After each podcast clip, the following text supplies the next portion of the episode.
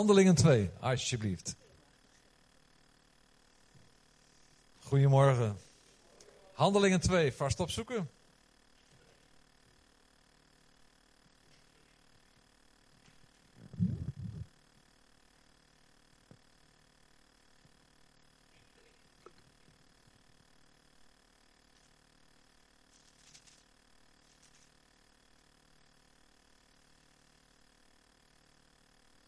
Een stukje geschiedenis van onze broertjes en zusjes, een paar jaar geleden. Ja, Handelingen 2, vers 41.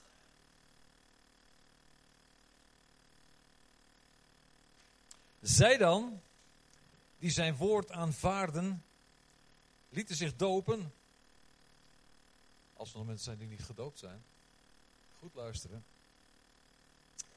Die lieten zich dopen en op die dag werden ongeveer 3000 zielen toegevoegd. En ze bleven volharden bij het onderwijs van de apostelen, de gemeenschap, het breken van het brood en de gebeden. En er kwam vrees over alle ziel. En vele wonderen en tekenen geschieden door de apostelen. En allen die tot het geloof gekomen en bijeen vergaderd waren, hadden alles gemeenschappelijk. En telkens waren er die hun bezittingen en haven verkochten. En ze uitdeelden aan allen die er behoefte aan hadden. En voortdurend waren ze elke dag eendrachtig in de tempel. Ze braken het brood aan huis en gebruikten hun maaltijden met blijdschap en eenvoud des harten. En ze loofden God en ze stonden in de gunst bij het gehele volk. En de Heere voegde dagelijks toe aan de kring die behouden werden. Wauw, onze broertjes en zusjes. Wat een mooi voorbeeld.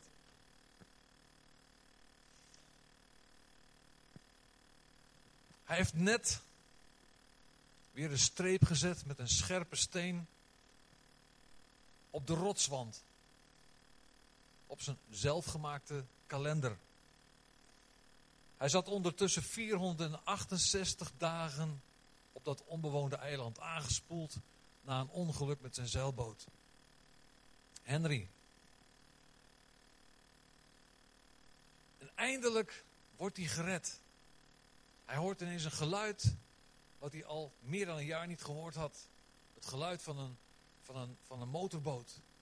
En hij rent naar het strand en hij ziet in de verte wat aankomen. En dan ziet hij de mensen staan op het strand. En ze komen hem tegemoet. En dan, en dan beginnen ze te praten. De mensen halen hem van zijn boot af, uh, van zijn eiland af. En ze zien daar op dat eiland drie zelfgemaakte huisjes staan. Drie, zeggen ze. Ik dacht dat je hier alleen zat. Ja, ik ben ook alleen. En, en die huisjes dan daar. Dit eerste huis, dit grote huis, daar heb ik al die tijd gewoond. En dat tweede huis, dat is mijn kerk.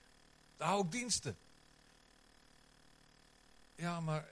En de derde dan? Dat derde was eerst mijn kerk, maar daar vond ik na een jaar niks meer aan. Dus ik heb een nieuwe kerk gebouwd waar ik me beter thuis voel dan dit.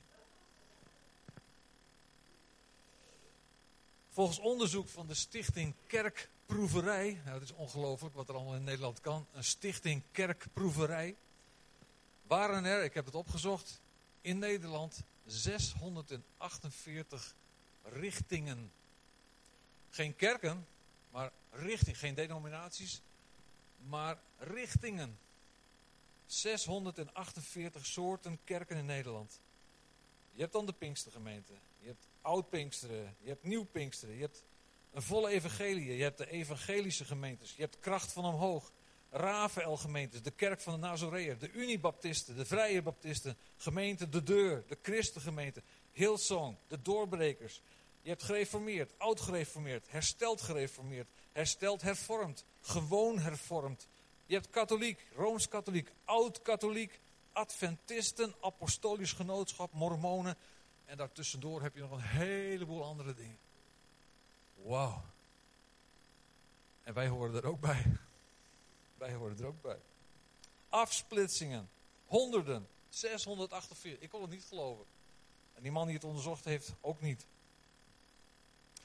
Weet je, er hoeft maar iemand op een idee te komen, met een aantal andere mensen meestal, dat bepaalde zaken bijvoorbeeld strenger in de leer kunnen. Of juist losser. Dat moet niet zo streng. Ik zie het niet zo zitten. Of uh, strenger in de leer, ja, maar als je het woord goed leest, dan staat dit er eigenlijk. En dat doen wij niet. Je moet iedere week, als we samenkomen, avondmaal vieren. Ik ga een kerk beginnen. De avondmaalskerk. Zo, ja, zo werkt dat gewoon. Ik denk dat de vrouwen allemaal hoedjes op moeten. Stichten een nieuwe kerk. We zijn strenger en wij, uh, we behagen daarmee onze God meer. We geven hem daarmee meer eer. Oké, hoedjes op. Dan moeten ze de zwarte kousen aan. En denk erom dat je zwarte schoentjes erbij aantrekt en gepoetst zijn, want anders kom je de kerk niet in. Denk erom dat je in tongen spreekt als je bij ons in de kerk komt. Ja, halleluja, ja. ja. Denk erom, als je wordt gedoopt, mag dat alleen in ijswater. Wij zijn de ijswaterkerk. Zo gaat dat. En zo kom je wel aan 648 kerken. Het is, we maken er grapjes om, maar het is diep en diep en diep triest. Zullen we die kerk beginnen? De diep triest kerk. Huh? Nee, kom jij niet. Ik denk dat ik wel geschikt ben als voorganger bij de diep trieste kerk. Ik hou wel van smartlappen. mooi. Nou, oké. Maar, oh ja, daar staat hij. Ik heb ook gedacht dat we ons wel kunnen onderscheiden. Daar zit zo'n dingetje in. We zijn modern geworden als kerk. Ja. Een dingetje van gift. Ik weet niet wat daar, ja, je kunt niet zien wat iemand daarop gaat. Heeft iemand vandaag nog digitaal betaald? Oké, dan, wacht, dan wacht ik er even. Dan wacht ik nog even om uh, met een paar van jullie naar de notaris te gaan voor een nieuwe kerk. Nee, we maken er grapjes over. Maar al nadenkend kwam natuurlijk um, wel die vraag bij me op van hoe komt het toch dat mensen zo gauw zo'n ander ding uh, ja, kunnen beginnen. Dus ik dacht, van, we kunnen ons gaan, gaan onderscheiden. Wij zijn, we hebben hem op een moderne manier halen we de collecte op, dacht ik, had ik opgeschreven. Dat blijkt dus niet zo te zijn. Maar dat komt nog wel, want iets heeft altijd tijd nodig. Maar via de digitale weg met die gift-app, daar moeten we iets mee doen. We kunnen ons nu profileren als een moderne kerk. Dus ik dacht, we laten, een nieuwe banner maken voor boven aan de buitenkant op de gevel. En daar staat dan op de volle digitale Pinkster-app Kerk 2.4. Vooral die toevoeging, 2.4, dat is belangrijk. Je hebt 2.0 gehad. Alles was op een gegeven moment 2.0, dat weten jullie wel, hè? een paar jaar geleden. 2.1, dat heb ik geen idee wat dat is. 2.2 ook niet. 2.3 moet nog komen, maar wij zijn nu al 2.4. De, de volle digitale Pinkster-app Kerk 2.4. Kerken, kerken. Ja, Henry die had het ook gedaan. Die baalde van zijn ene kerk, dus hij bouwde een andere kerk. Nadenkend over dit onderwerp komt natuurlijk de vraag bij je op. Wat heeft Jezus zelf gezegd over de kerk? En waar staat er in het Nieuwe Testament dat wij die kerk zouden moeten beginnen? Waar staat dat? Idee? Heb je een idee? Matthäus hoeveel? Niet zo zachtjes. Ik weet dat je jezelf niet gelooft, maar je mag het best uitspreken. Hij heeft er helemaal niks over gezegd. Hij heeft niks gezegd over het starten of beginnen of opbouwen van een kerk. Misschien, heb ik gedacht, heeft hij er met zijn discipelen nog over gesproken. Want na zijn opstanding heeft hij 40 dagen doorgebracht met zijn discipelen. Zo nu en dan verscheen hij. Dan ineens waren ze met z'n allen weer aan het vissen, hadden ze een oude beroep opgenomen. En ineens zeiden ze van, hé, hey, dat lijkt de meester wel. En voeren ze erheen. Dan had hij dan al een heerlijk gebakken visje neergelegd. En nog wat andere dingen om te eten. Gezellig met elkaar. Maar hij vertelde hun allerlei dingen. Onder andere, Lucas 24, daar staat dat, dat gedeelte dat hij na die opstanding 40 dagen met zijn discipelen optrok.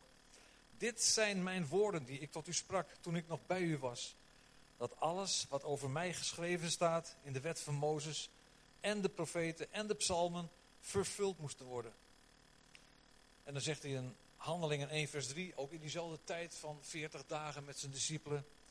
veertig dagen lang hun verschijnende en tot hen sprekende over al wat het koninkrijk Gods betreft. Dat zou ik nog wel eens willen weten, waar het daarover ging. U ook? En dat weten wij niet. We weten alleen hoe de apostelen hun werk hebben voortgezet.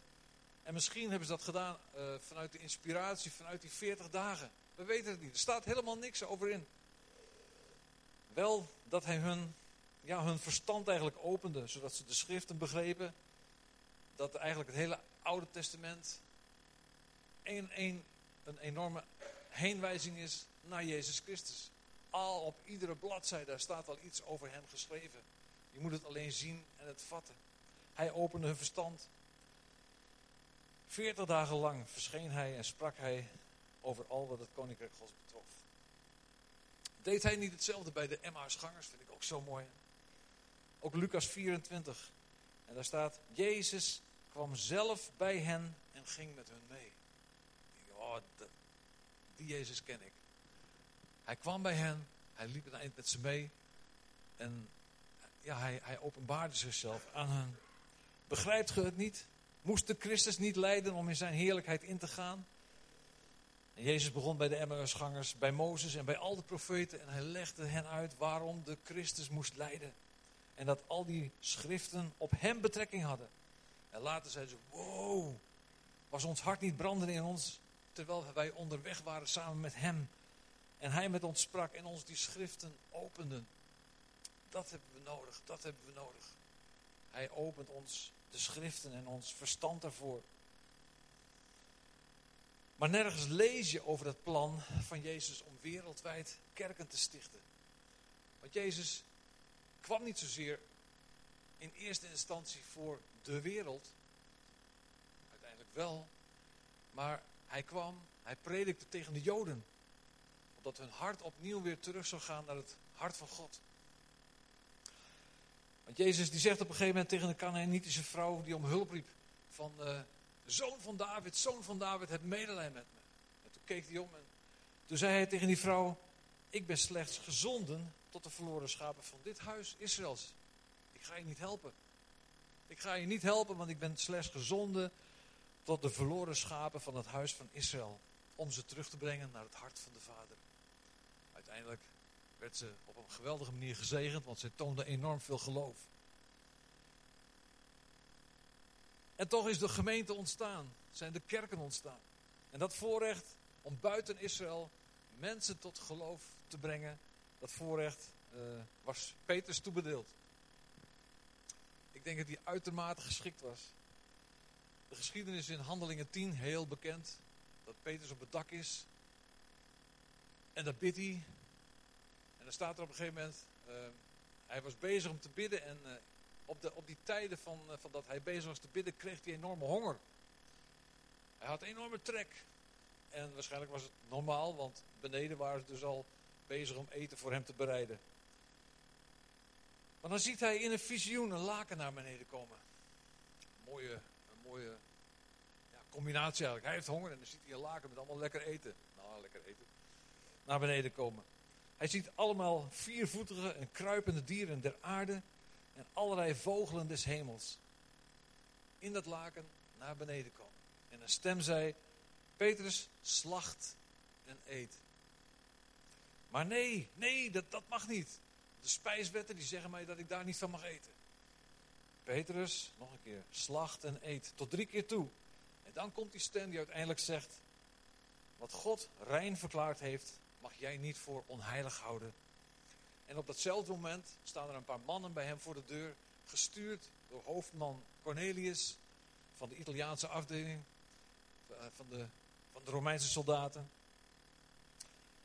God had aan Cornelius bekendgemaakt, stuur mannen naar Petrus toe. En ik zal jou bekendmaken mijn plannen en wie ik ben. En na een lange reis hebben ze eindelijk Petrus gevonden. En de geest zei tegen Petrus, dat is ook zo belangrijk. De geest zei tegen Petrus, ga met hun mee, zonder bezwaar te maken, want ik heb hun gezondigd. Ach, gezondigd. Gezonden.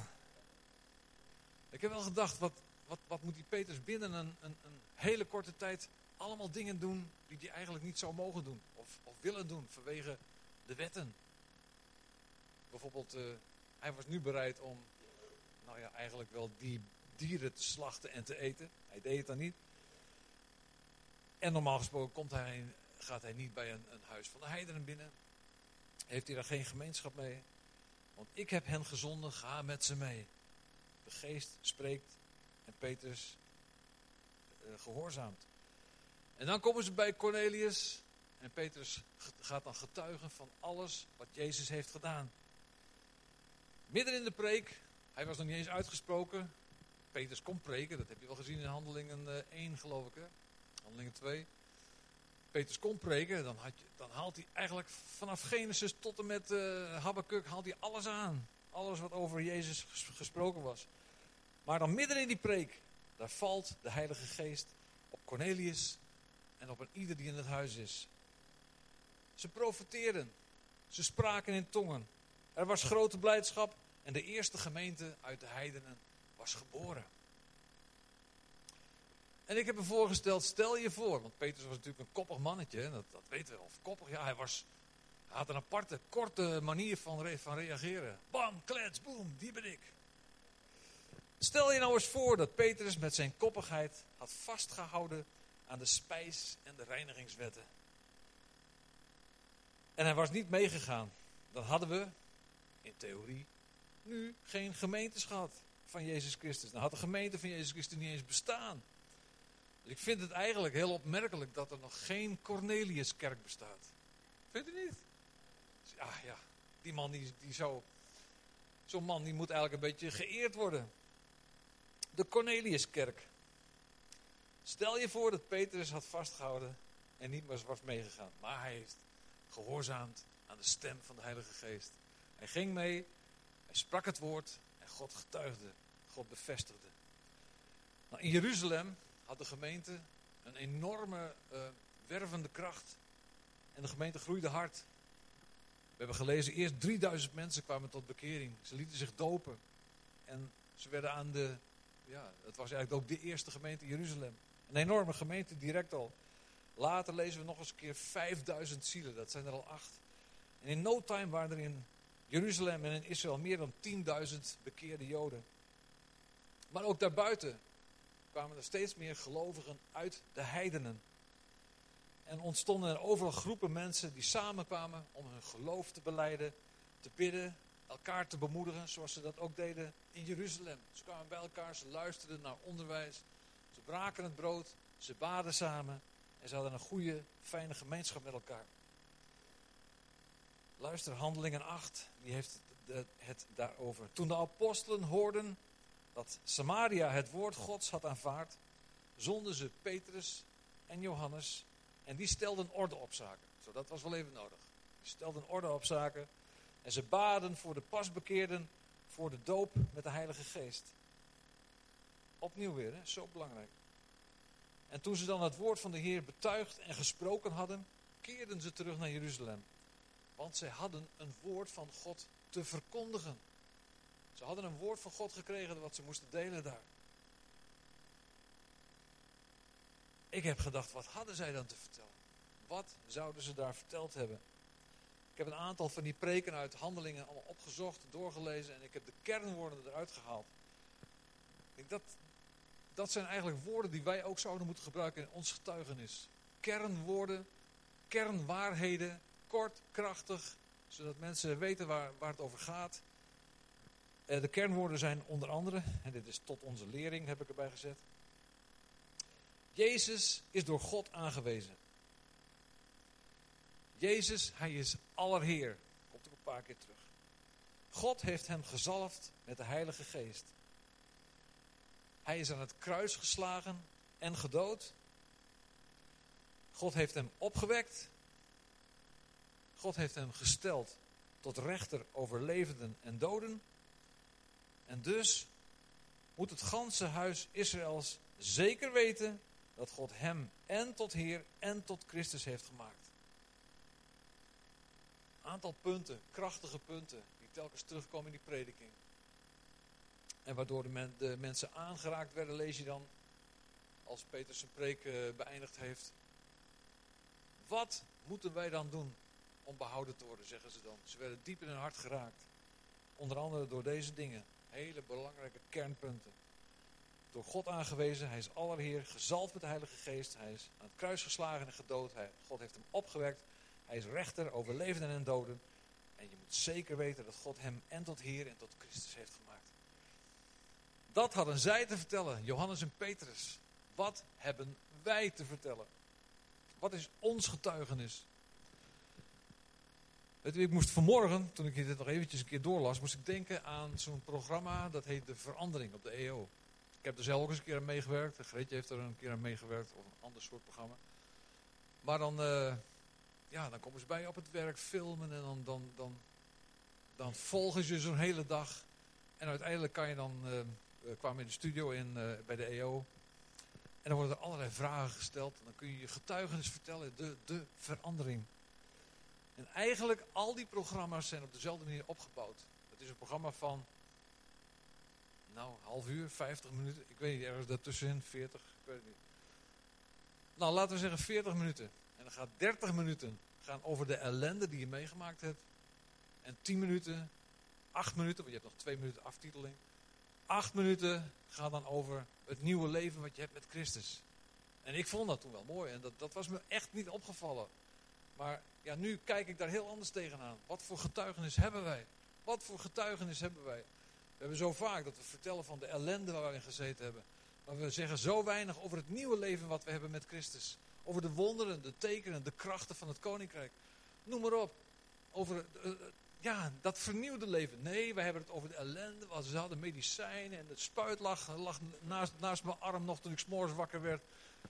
En uh, zelfmoord en ik weet niet wat allemaal. Dat komt allemaal tevoorschijn. We willen ergens, net of je wil laten zien van, kijk eens hoe, nou, ik, ik, ik, ik zat zo diep in de put. En nou ben ik hier. Maar dat hier, dat hier, dat heeft voor mensen veel meer, daar gaat het om. Daar gaat het om, dat mensen die hoop kunnen vasthouden. Want die ellende, die herkennen ze misschien wel, maar ze willen dat anderen weten. Ja, een half uur ellende vertellen en dan mag je tien minuten nog iets anders vertellen. Maar het is best lastig. Het is best lastig om getuigenis te geven van al het geweldige wat God doet in je leven. Want je bent zo vaak nog nou ja, met, de, met de ellende bezig. Ik had het vorige week nog even, ik was ergens aan het werk en uh, iemand die zei, heb je ook hobby's? Ah ja, ik, ik zit... Uh, ik heb altijd in, uh, in, de muziek gezeten, bandjes en zo vroeger. En nou, nou doe ik andere dingen. Ja, wat dan? Ah, ik zei, ik speel nou in de kerk. Dan ben je, was, het, was het gesprek al bijna voorbij. Ik speel nou in de kerk. Ja, echt. Ik speel nou in de kerk. Hmm. Ja, ja. Orgel of zo, zei hij toen. ik zei, ja, zeker. Maar uh, nee, ik zeg, we hebben, een, we hebben echt een hele leuke swingende kerk. Modern en zo. En uh, weet je, begin te vertellen over hoe de kerk eruit ziet. Modern, dan wil je mensen ook een beetje paaien. We hebben een swingende liedjes, een goede band en uh, we hebben een lichtinstallatie en ik weet niet. Al die flauwekul die vertelde ik gewoon aan die man. En uiteindelijk, dan, ja, ook als je het in stukken zou moeten hakken, zo 30 minuten gaan over de zaal en over hoe modern was kerk zijn. En 8 minuten over Jezus. Achteraf denk je van, waarom doe je dat nou? Waarom vind je dat zo moeilijk? En heb je soms eh, schroom. Waarom? Waarom? Wat mis ik dan? Een stukje vrijmoedigheid of zo? Ik weet niet, ik wil dat anders. Ik wil graag acht minuten vertellen over wat een leuke kerk dat we hebben. En dan dertig minuten over wat God doet in mijn leven.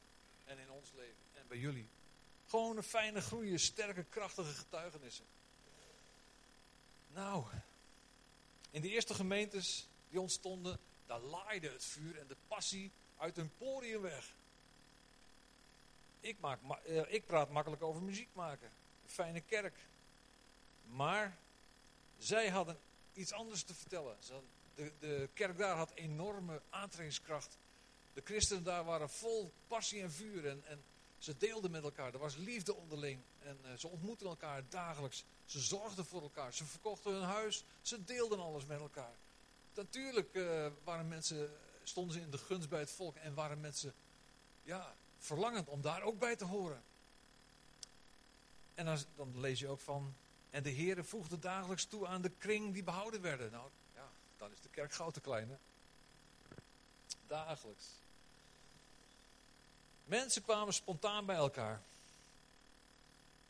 Ze ontmoeten elkaar misschien bij de tempel, tempelplein.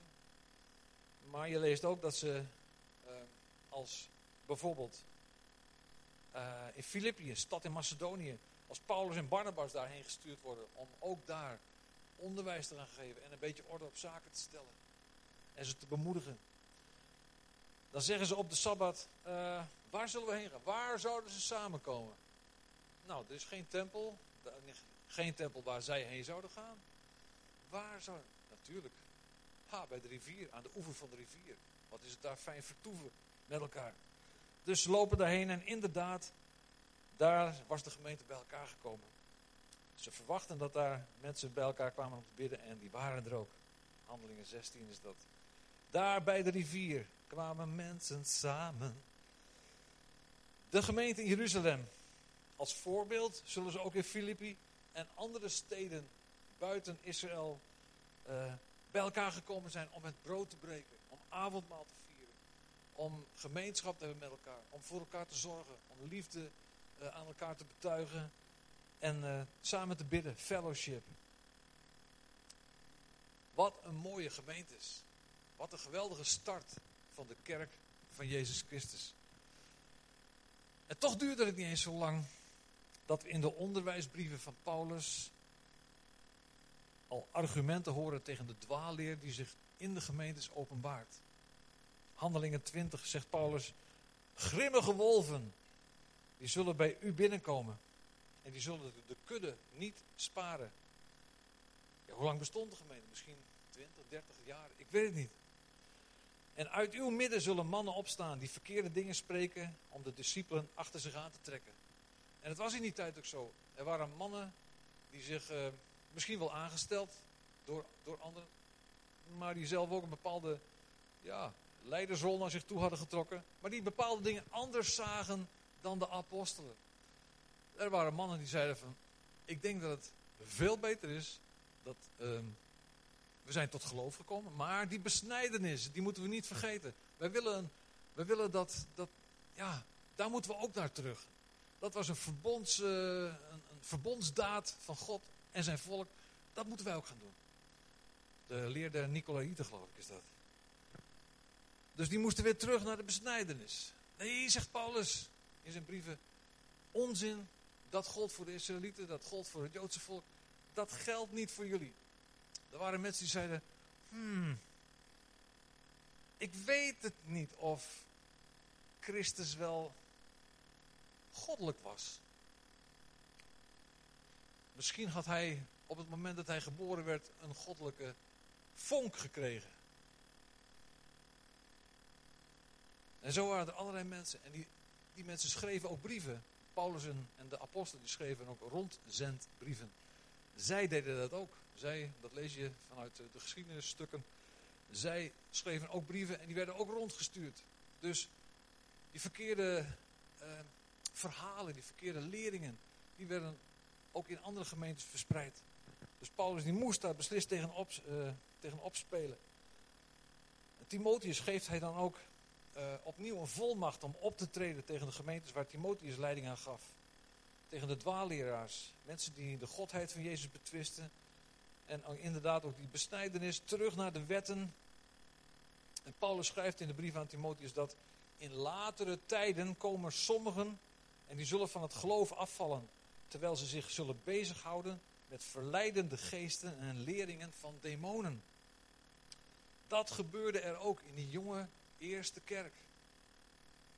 Het was zo goed begonnen, zo vol passie, zo vol kracht en, en heerlijkheid van God. Wonderen, tekenen, liefde onderling. Maar ja, we hebben natuurlijk een vijand. En die ging toen ook al rond als een brullende leeuw. En de duivel zag met leden ogen dat binnen enkele tientallen jaren in een groot deel van het Romeinse Rijk er christengemeentes ontstonden die ook hun invloed hadden. Het Romeinse Rijk was wel bekend met een meer godenreligie. Ze hadden uh, Jupiter, Mars, Quirinius. Dat waren eigenlijk de drie belangrijkste toen. En de keizer werd aanbeden als een god. En wee, oh wee, als jij een andere godsdienst aanhing, dan had je een echt groot probleem. Een andere godsdienst werd niet getolereerd. Dus het was een probleem voor de Joden en de christenen in het Romeinse Rijk. En in de eerste tijd van de christenen kregen zij ook nog overal de schuld van. Ging de, de oogst verloren, dat waren de schuld van de christenen. Uh, werd er een, een, dorp overvallen, dat was de schuld van de christenen. Was er een hoosbui geweest, waren, was er brand geweest in de stad, de schuld van de christenen. Eén van de sluwe zaken waar Gods vijand ingang wil krijgen, dat is het verspreiden van een halve waarheid. Of van een, gewoon een dikke leugen. En er zijn altijd mensen die erin trappen. En daar moet je zelf ook om denken. Want wie meent te staan, ziet toe dat hij niet vallen. Ik denk aan het feit dat zelfs gelovigen, dat zelfs mensen vanuit de kerk, uh, die krijgen ze zover om te beleiden dat de duivel niet bestaat. Dat is een hele sterke. Geloof jij dat de duivel bestaat? Jong. Hé, hey, het is 2019. We zijn nu in 2.4, Rijn. 2.4, jongen. Ja. En wat betekent dat? Dat weet ik ook niet. De duivel bestaat niet. Geloof dat nou echt, jongen. Doe toch niet zo moeilijk. Greetje heeft het laatst meegemaakt. Iemand was bij ons op bezoek. En die stond bijna briesend tegenover haar. Ze vertelde van de, de moeites die ze had. Ze zei, ja, we hebben ook een vijand. De duivel. Wat? Denk jij dat de duivel bestaat? Je bent gek. En denk jij dat... Geloof jij daarin? Ja. Zo ging het. Echt briesend en brullend. Met rare ogen. Ja, dat, dat, dat, dat zegt eigenlijk al genoeg. De achtergrond van waaruit dat gezegd wordt. Maar het zijn mensen die dus iedere zondag naar een kerk gaan. Greetje heeft gezegd van waar geloof jij dan in? Je gaat naar een kerk. Ik geloof in de liefde. En dat is, dat is mooi. Dat is heel mooi. En ik weet wel, God is liefde. Maar niet alle liefde is God. Niet alle liefde is God. Logisch dat er nu zoveel de, uh, denominaties zijn, dat er nu zoveel kerken zijn. Iedereen doet maar wat. Iedereen weet het wel weer beter. Iedereen heeft meer inzicht. Iedereen wil moderner doen. Of mensen doen juist een stap terug. En ze gaan bijvoorbeeld weer de Sabbat vieren. En dan gaan ze terug in die wetten. Dan gaan ze, ik weet niet wat allemaal doen. Wat is waarheid? Ja. Pilatus zei het al. En wat is waarheid? Wat is waarheid in een kerk? Nou, we slaan voor het gemak eventjes 1900 jaar over. De jaren van groei, van duisternis, de donkere middeleeuwen de reformatie. We komen nu in een andere tijd. In onze tijd komen we terecht. Wat is er overgebleven van, van de gemeente? Van de gemeente van Jezus Christus na al die eeuwen. Wat is er overgebleven? Nou, de vervolgde kerk die groeit en die groeit en die groeit. Weet u, in China, ik heb het gisteren nog gelezen, in China groeit de kerk met 10.000 nieuwe christenen per dag. Over een paar jaar zijn er 250 miljoen christenen als het zo doorgaat. En volgens mij hebben zij ongeveer een miljard mensen. Dus een kwart, één op vier mensen die zijn over een paar jaar dus christen. Wereldwijd komen er honderdduizend nieuwe broertjes en zusjes bij per dag. In Europa komt er nauwelijks iemand bij. Nou, dat is het triest van alles. Daar waar juist het evangelie sterk is binnengekomen en gebracht is, daar zijn we kwijtgeraakt. We zijn heel veel verloren onderweg. We hebben het zo gemakkelijk. Iedereen kan maar een kerk beginnen en oh ja, we zijn de kerk van de, de bankhangers. Heerlijk, we hebben overal aanlichtbanken. Komen jullie bij ons liggen? Ja, begin maar wat. Het is ongelooflijk. In Europa staat alles op een laag pitje. En het wordt zo ja, zo verstandelijk, beredeneert allemaal. En dan krijg je dus zulke dingen. De duivel, de gebruik je verstand. Wat duivel? Hij is ontwapend en openlijk tentoongesteld door Jezus. De vraag is nu, is onze kerk in de waarheid? Wat is sowieso kerk? Is het een mooie historische boerderij? Is het een gebouw moet je minstens 100 mensen hebben om kerk te zijn? Moet je een voorganger hebben? om kerk te zijn. Kerk is geen gebouw. Kerk is geen gebouw. Het is een groep mensen die samenkomen in de naam van Jezus. Ja. We moeten afrekenen met het idee dat de kerk het lichaam van Christus is. De kerk, het gebouw. De, het lichaam van Christus is. Misschien zit hier vanmorgen iemand in de kerk, in deze zaal, maar die geen connectie heeft. Dan ben je misschien lid van een kerk, maar je bent geen lid van het lichaam van Christus. Want het lichaam van Christus, dat zijn alle mannen en vrouwen die bekeerd zijn, die Hem willen volgen, die gereinigd zijn door het bloed van Christus. Um, die, die geleid worden door de Heilige Geest, die vervuld zijn met de Heilige Geest, die zijn woord lezen, die zijn woord willen gehoorzamen. Het lichaam van Christus is een organisme, geen organisatie. Weet u, ook in een organisatie als een kerkgebouw. Kerk, daar wordt zoveel tijd weggegooid aan het organiseren en het in stand houden van dingen die misschien leuk zijn, maar niet belangrijk zijn. Als je nog geen onderdeel bent van dat levende organisme, van het lichaam van Christus, dan kun je dat wel worden. Dan kun je vanmorgen zeggen, Heer Jezus, ik wil bij u horen. Ik wil horen bij dat organisme. Ik wil horen bij dat levende.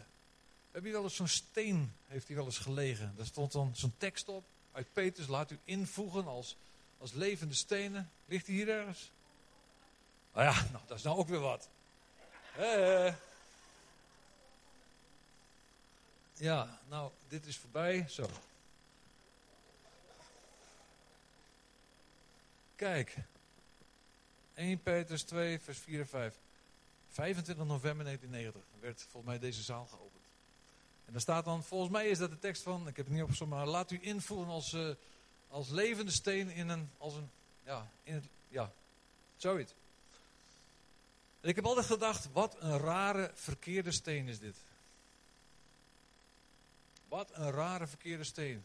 Ja, misschien dat, dat u hebt gedacht van, hm, een nette steen, fijn. Vierkant overal makkelijk in te voeren. Ik heb thuis een huis, die is gebouwd met Limburgse steen, met veldbranders. Kent u die?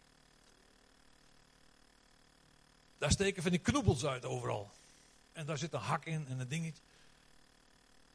Zo'n steen hadden ze moeten hebben. Want zo zijn wij.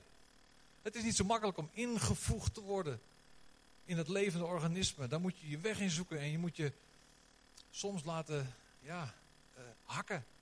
Je moet ingevoegd worden. Het moet passen bij een ander en dit past altijd. Ik snap het wel. Ik snap het wel, want die, dat plaatje wat erop gelijnd is, dat had nooit kunnen gelijnd worden op die veldbrander. Want dan, dan, dan, dat gaat niet. Het is handig, handig bedacht, Rijn. Erg leuk hoor. ja.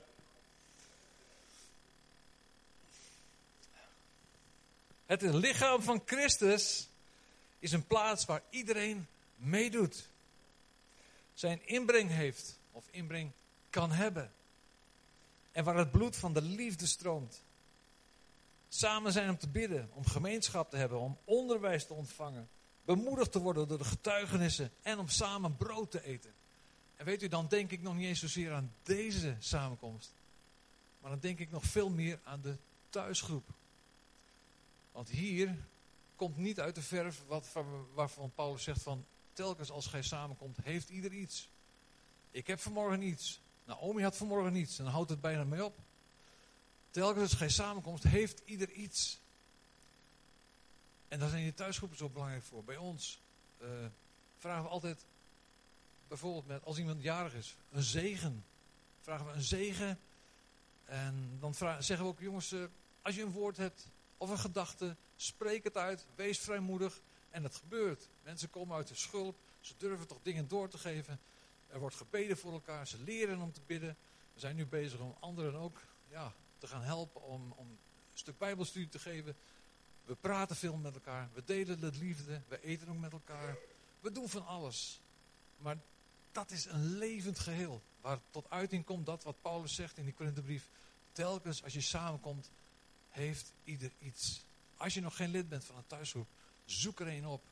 Ben je een thuisgroep die alleen maar een tijd van gebed heeft, daarna alleen maar bijbelstudie heeft, Doe het niet zo.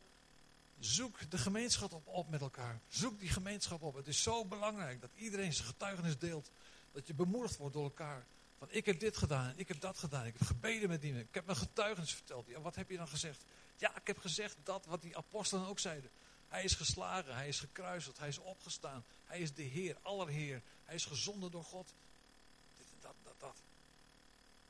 Wauw, thuisgroepen, zo belangrijk. Word lid van een thuisgroep, alsjeblieft. Er moet weer vuur komen. Er moet weer vuur komen. We moeten afleggen de lasten die op ons drukken. Lasten van het afgelopen jaar. Af, lasten van de afgelopen twee jaar. Dingen waar je soms nog mee kunt zitten. Dat je voelt, ik zit niet lekker in mijn vel. Tijd om het juk af te gooien. Tijd om je te laten vullen met de Heilige Geest. En dan hoef je niet alleen maar te zeggen van, ja, maar dat spreken in tongen, dat, dat, dat, dat, weet ik niet. Of dat iets voor mij is. Wat maakt het uit? Laat je vullen met de Heilige Geest. En wat God wil doen, dat komt vanzelf in jouw leven. Er moeten meer bekeringsverhalen verteld worden.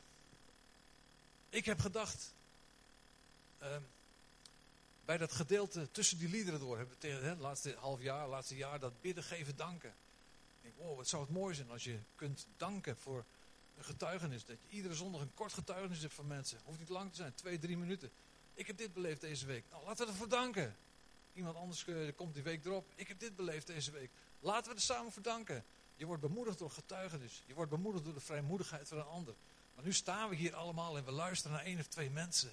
Ja, dat nou, stoort me niet, maar ik denk dat het heel anders kan. Ik denk, wij moeten gewoon één grote thuisgroep zijn op zondag. Ruimte voor elkaar. We moeten krachtig zijn in de Heer. En het vuur moet weer gaan branden. We moeten afleggen, dat juk. We moeten afleggen die lasten van wat geweest is. We zijn op, op weg met een nieuwe koers. En uh, ja, het is kerk 2.4. Wat het betekent, ik heb geen idee, maar dat is het mooie. Want we zijn onderweg met Jezus Christus. De Heilige Geest leidt ons leven. We zijn onderweg met Hem. En wat er morgen gebeurt, ja, geen idee. Je weet, je weet helemaal niet wat er morgen is. Je kunt de dingen niet, niet bestellen, je kunt ze niet bedenken. God heeft het, het, laatste woord. Hij is, he is in control. Amen. Hij is onder in de... Ah, he is in control. Op zijn Engels gaat het beter. Nou, laatste vraag. Misschien dat de mensen van het avondmaal naar voren kunnen komen. Die het avondmaal willen uitdelen. Als ze gevraagd zijn. Kom maar. Ja, en ook de muzikanten. Mijn vraag aan u vanmorgen.